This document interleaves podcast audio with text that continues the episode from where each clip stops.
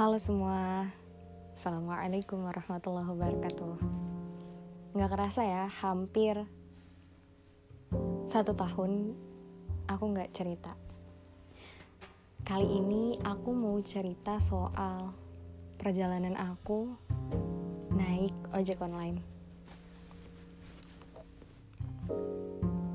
Um, Yang namanya kita ketemu orang baru kita ketemu manusia pasti ya mereka punya ceritanya gitu. Waktu itu rencananya sih aku lagi nggak mau nanggepin banget obrolan dari supir ojek online ya. Biasanya kan suka ngajak ngobrol gitu. Tapi kalau lagi males biasanya aku jawab kayak oh iya pak. Iya pak gitu. Tapi kak kemarin itu mungkin karena bapaknya udah capek banget jadi ya udahlah yang penting cerita gitu ya. Perjalanan dari rumahku eh dari rumahku dari sekolah ke hmm, ke Tebet waktu itu. Bapaknya cerita. Oh bapaknya nanya dulu. E, ibu ngajar ya di sekolah ini? Iya pak. Alhamdulillah ngajar. Oh iya, alhamdulillah. Saya dari dulu pengen banget mbak punya istri uh, yang jadi guru. Oh gitu pak. Terus gimana pak kesampaian ya pak? Iya alhamdulillah sempet kesampaian katanya gitu. Oh ya udah kan aku coba sebatas menanggapi sebagai makhluk sosial. Dan dari sana ternyata menarik. Tapi gitu ya. Hmm, bu ya gitu mungkin karena aku guru ya jadi bapaknya meneruskan panggil bu.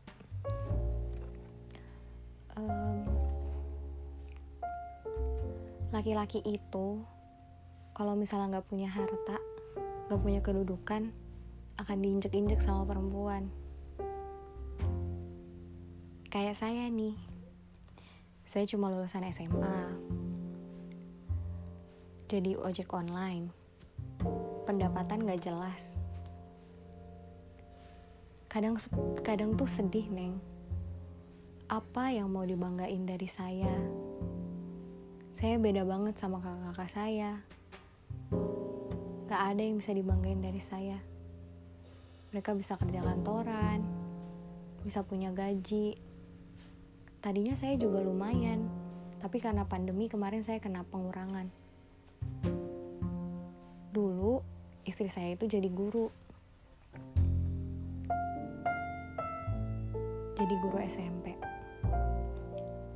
sambil dia ngajar kita lanjutin kuliahnya. Kita bayar sama-sama biaya kuliahnya. Setelah udah lulus kuliah sarjana istri saya mencoba melamar di di sini nih neng. Di Sudirman SCBD oh bapaknya ganti jadi Neng ya? Eh maklumi saja lah ya daerah SCBD sini nih. Lumayan banget.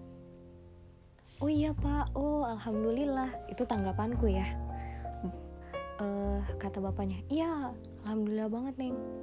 Bisa tuh dia dapat 7 jutaan. Belum sama uang lemburnya. Oh masya allah aku bilang gitu. Ya kalau guru mah segitu mah jauh ya pak. Aku bilang. Terus uh, bapaknya bilang ini ya gitu neng tapi yang namanya dengan apa? Dengan lingkungan. Tempat main. Itu semuanya ya dia ngikutin lingkungannya gitu. Ya meskipun kita udah punya anak gitu ya tapi gaya gaya hidupnya juga berubah gitu ikut berubah gitu. Hmm, gitu ya pak. Ya saya tuh udah nggak ada harga dirinya lagi di depan istri. Oke dari situ aku tahu oh bapaknya nih lagi capek banget nih kayaknya. Aku waktu itu bingung gitu ya. Ya Allah gimana ya gitu. Kayaknya aduh gimana ya uh, ngejawabinnya gitu kan ya. Tapi alhamdulillah gitu ya atas ridho Allah tuh aku inget banget. Beruntungnya kita seorang muslim dalam keadaan susah itu pun kita masih punya harapan gitu. Jadi um, ya aku bilang gitu kan ya sama bapaknya. Ya atas izin Allah gitu ya. Pak kesus kesuksesan yang jadi ukurannya Allah sama manusia tuh beda banget ada orang yang jadi tukang roti. Tiap hari ngadon ngadon adonan rotinya itu sambil zikir. Itu bisa dibilang lebih mulia daripada ya daripada orang yang buang waktunya gitu ya. Maksudnya ya mungkin dia punya toko dan uh, punya perusahaan dan lain-lain tapi waktunya kebuang sia-sia. Dihabiskan untuk kerjaan kerjaan kerjaan gitu. Tapi sebatas tukang roti gitu loh masih punya harapan jadi orang terbaik, jadi orang bertakwa di mata Allah gitu loh pak. Ya beruntungnya kita yang muslim, kita nggak kehabisan harapan gitu untuk untuk jadi yang terbaik gitu. Meskipun kita dalam keadaan nggak punya materi. Ya alhamdulillah bapak jadi ojek online, nolong orang, nolong saya nih pak. Saya tadi kalau misalnya uh, bapak nggak ngambil. Wah saya nggak dapat nggak dapat ojek. Karena dari tadi udah susah banget. Bapak udah nolong saya. Bapak waktu kerjanya fleksibel pak. Orang-orang yang kerja di kantoran yang waktu paginya udah sibuk sama kerjaan bapak pagi-pagi sebelum kerja bisa sholat duha dulu. Masya allah kan pak? Itu allah kasih bonus. Aku aku deg-degan sih ngomongnya. Cuma ya world view kita tuh kayak kita tuh mandang dunia tuh gimana sih gitu. Aku juga bu, belum tentu bisa bisa berpikir seperti itu ya. Makanya kita tuh perlu cerita sama orang untuk reminder gitu. Tapi cerita ke orang yang tepat juga gitu ya. Kita tuh kita tuh perlu reminder gitu sebenarnya. Ya um, aku nyampein kemarin itu ya karena ngerasa bapaknya tuh butuh banget butuh banget harapan gitu. Bayangin, bapaknya tuh bilang, saya tuh udah sampai di titik mau cerai. Istri saya tuh gak mau punya suami kayak saya. Gak punya apa-apa, lulus SMA aja. Ya, susah gitu kalau kita tuh nggak mandangnya tuh cuma dunia gitu nggak akan ada habisnya gitu makanya kan dulu ada sahabat Rasulullah yang bilang ya Rasulullah kalau saya nggak punya uang saya mau berangkat haji tuh gimana kalau saya mau sedekah tapi saya nggak punya uang tuh gimana? Berarti orang-orang kaya bakalan lebih banyak dong peluangnya untuk masuk surga daripada saya. Ya cuma Islam aja yang bisa jawab. Ya kalau kita mau mau dapat pahala sama seperti kita pergi haji kita bisa kok sholat syuruk sholat duha awal waktu. Kita berzikir dari habis selesai sholat subuh sampai waktu terbit. Terus kita mau sedekah tapi kita nggak punya uang. Sedekah materi gitu ya. Tapi ternyata kita bisa loh salat qobliyah subuh. Yang kata Allah pahalanya itu lebih banyak dari seluruh isi dunia. Wah masya Allah banget. Kita juga bisa loh bersedekah atas sendi-sendi kita dengan kita sholat duha. Nah itu itu tuh masya allah banget gitu ya.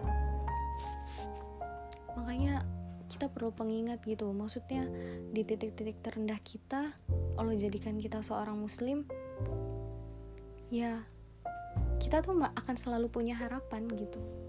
Dalam keadaan susah kita mengharap mengharap ridho Allah kita mengharap bantuan Allah kita mengharap kesusahan itu kesulitan itu bisa jadi pahala untuk kita bisa jadi tangga kita untuk masuk ke surganya Allah kan kalau kita sabar dalam menghadapi ujian? Ya bapaknya uh, setelah kita coba bahas itu ya perjalanan dari Budi ke Tebet itu ya sama-sama berkaca-kaca sih kita. Ya bener. Yang cuma bisa ngasih kita harapan itu ya cuma Allah gitu berapa banyak sih orang yang yang bunuh diri karena dia nggak tahu ini hidup gue tuh udah hancur banget gue nggak tahu harus gimana. Ya udahlah gue akhirin aja hidup gue. Karena apa? Karena nggak punya tujuan nggak punya harapan. Nggak tahu mana yang benar harus gimana gitu. Ya nauzubillah min zalik ya. Makanya alhamdulillah banget kita kita masih dikasih hidayah gitu sama Allah. Ya muqallibal qulub sabit qalbi ala dinik ya semoga Allah selalu balik-balikan hati kita dalam kata ketaatan sama Allah gitu ya. Ya itu aja sih. Pengen ngerekam cerita kejadian hari itu karena ngerasa berkesan banget. Baik untuk aku dan mungkin bapaknya. Selalu salut sama setiap ayah dan ibu yang menuntut mencari nafkah. Dengan keringat halal ya semoga Allah berkahi Allah mudahkan. Dan rezekinya amalnya bisa jadi suatu hal yang memberatkan nanti di akhirat. Memberatkan untuk masuk surga ya. Amin ya rabbal alamin. Oke deh itu aja hari ini. Mungkin terdengarnya seperti so tau banget gitu ya. Aku juga masih belajar teman-teman. Tapi ya jangan pernah jangan pernah ragu ataupun takut menyampaikan kebenaran. Kita nggak tahu nih kapan orang butuh semangat dari kita. Dan kita perlu ngingetin teman-teman kita semangat itu akan selalu ada. Apalagi kita sebagai muslim. Ya Allah always with us. Assalamualaikum warahmatullahi wabarakatuh